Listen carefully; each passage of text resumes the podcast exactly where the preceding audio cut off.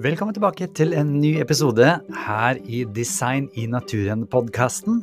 Jeg heter Chris Duve, og jeg vil bare minne deg på at du kan ta hele kurset her helt gratis med 38 forskjellige eh, informasjonsvideoer som da er lagd en podkast ut av, hvis du går inn på chrisduve.no og klikker deg inn på Design i naturen-kurset. Det finnes også et mindre kurs som heter Tre trosdyrkende fakta. Alt dette er altså gratis tilgjengelig. Men nå er det på tide med dagens episode. Vær så god.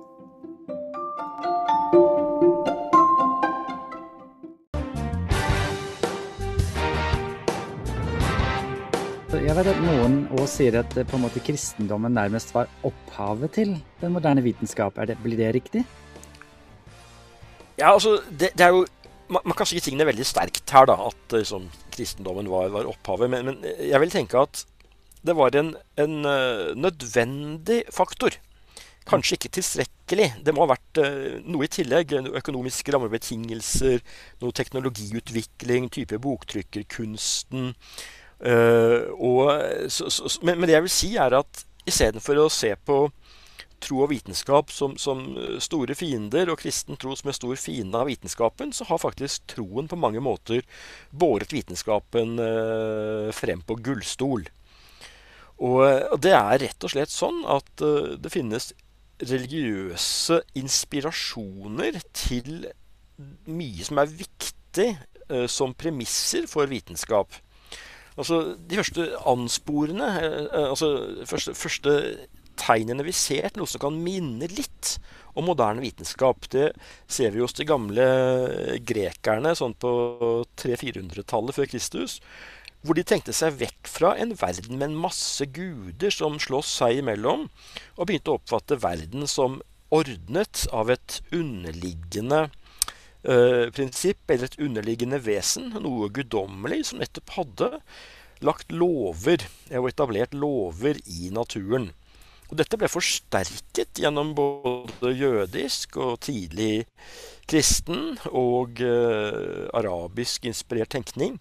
Og ble veldig sånn sterkt i middelalderen gjennom universitetene og gjennom det som da skjedde på 1500- og 1600-tallet. Slik at dette med at naturen hadde lover, finner vi i forordet til Newtons uh, prinsipp Olympia, altså det store, kanskje verdens største fysiker og den mest betydningsfulle boken om fysikk noen gang, hvor da i forordet understrekes at Gud av sin frie vilje har lagt lover inn i naturen, og siden dette er gjort av Guds frie vilje, kan ikke vi vite på forhånd hvordan disse lovene er. Altså må vi oppdage dem ved observasjoner og eksperimenter. Slik at det er en veldig tett kobling for disse tidlige vitenskapsmennene når de setter opp hvorfor og hvordan de kan drive med vitenskap mellom deres eh, gudstro og eh, den eh, visjonen de har for vitenskap.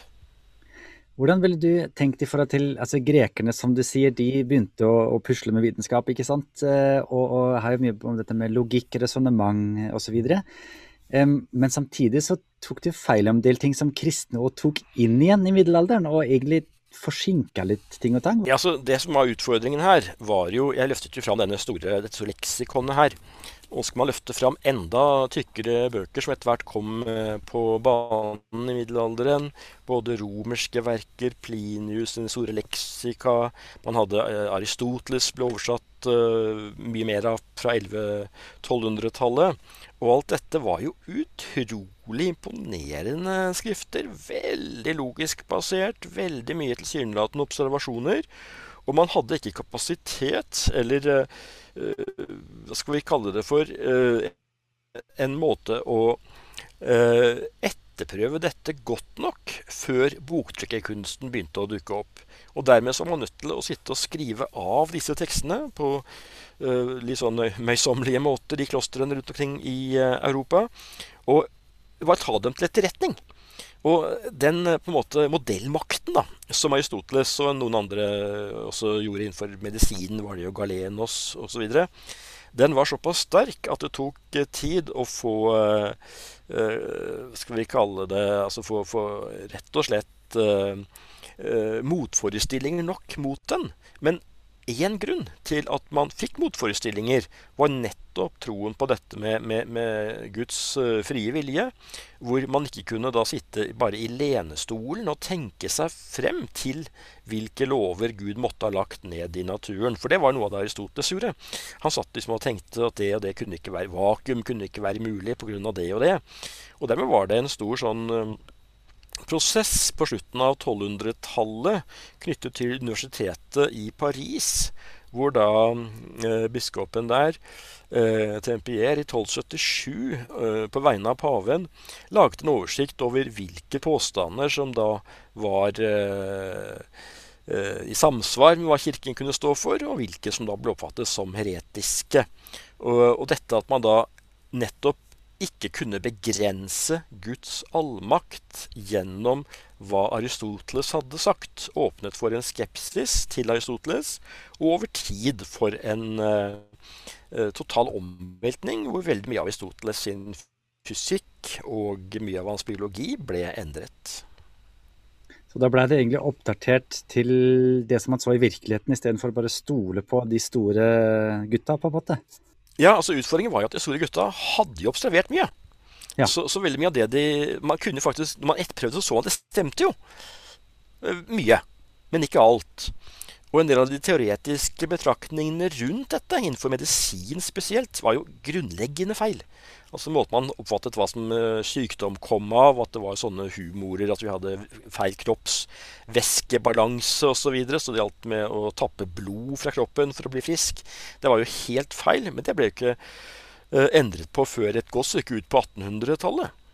Og, og, og, eh, og, det hadde ikke noe å gjøre med at man liksom hadde noe mørk periode i middelalderen, men at store, de store autoritetene, både innenfor eh, gresk, eh, latinsk, arabisk språklig medisin, sto fast på dette og hadde veldig mye detaljer.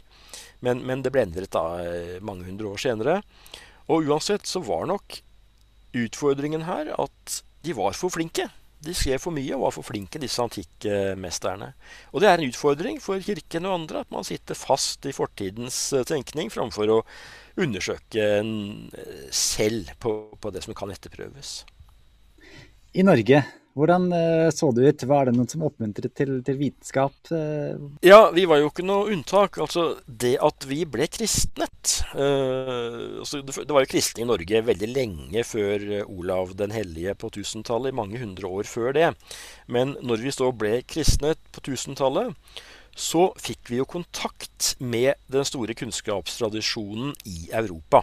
Så nordmenn reiste nå ikke lenger ned til Paris for å plyndre byen for eh, gull og, og damer, men for rett og slett å finne annen type gull, kunnskap. Så det er mye morsomme historier fra Paris på 1100-tallet med nordmenn som bløffer seg inn i eh, klosterskolene med henvisning til at de eh, kjenner uh, den og den personen i Norge som hadde noen forbindelse med rektor osv.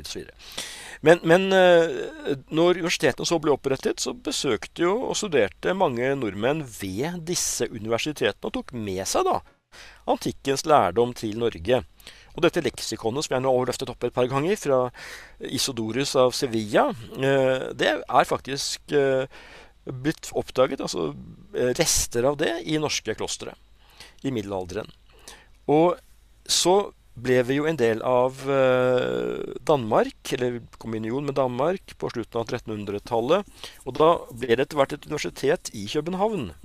Og eh, norske biskoper og prester studerte jo der. Og på 1600-1700-tallet finner vi da store vitenskapelige verk skrevet av norske prester. Både om geologi, og etter hvert om, om, biologi og økonomi og fysikk. Og en av de, eh, kanskje den viktigste, som gikk eh, i spissen for å få vitenskap inn i Norge, var jo biskop Gunnerus i eh, Trondheim. Ja. Som da på ja, andre halvdel av 1700-tallet ivret veldig for å opprette et uh, norsk vitenskapelig selskap. I første omgang i Trondheim, men etter hvert Eh, noen få år senere ble det til Det kongelige norske vitenskapelige selskap. Og han skrev et uh, såkalt hyrdebrev til sine prester, hvor han rett og slett eh, oppfordret dem på det mest intense til å drive med vitenskap. For dette var noe som folk flest trengte, og da måtte det skrives om dette på det språket folk kunne lese, altså ikke på latin.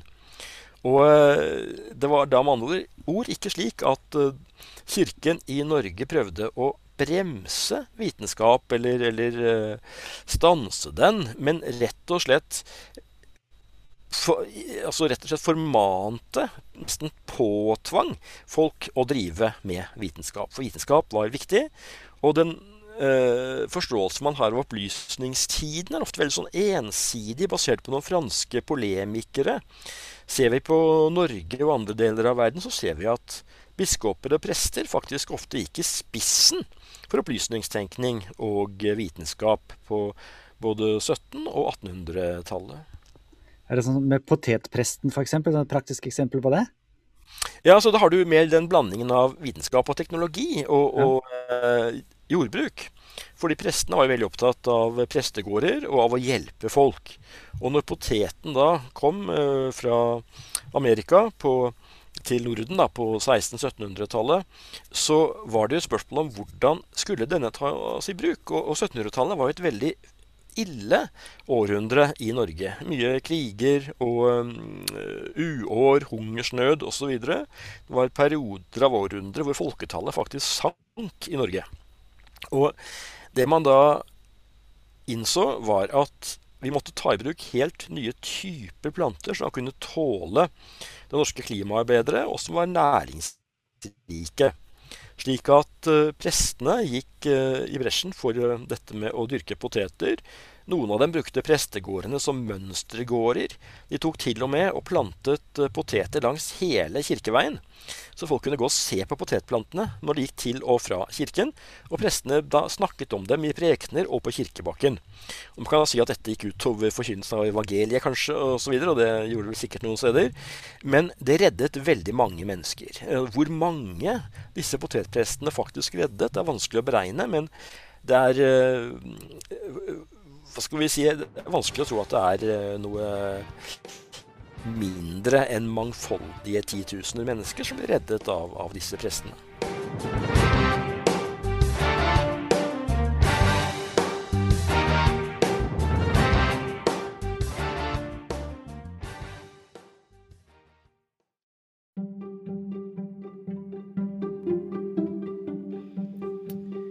Igjen, dersom du ønsker å få tilgang til de hjelpearkene eller oppgavearkene, så er det jo fullt mulig for deg å signe opp til kurset. Da går det an å laste det ned. Hvis du går inn på chrisduve.no, så ser du all informasjonen der.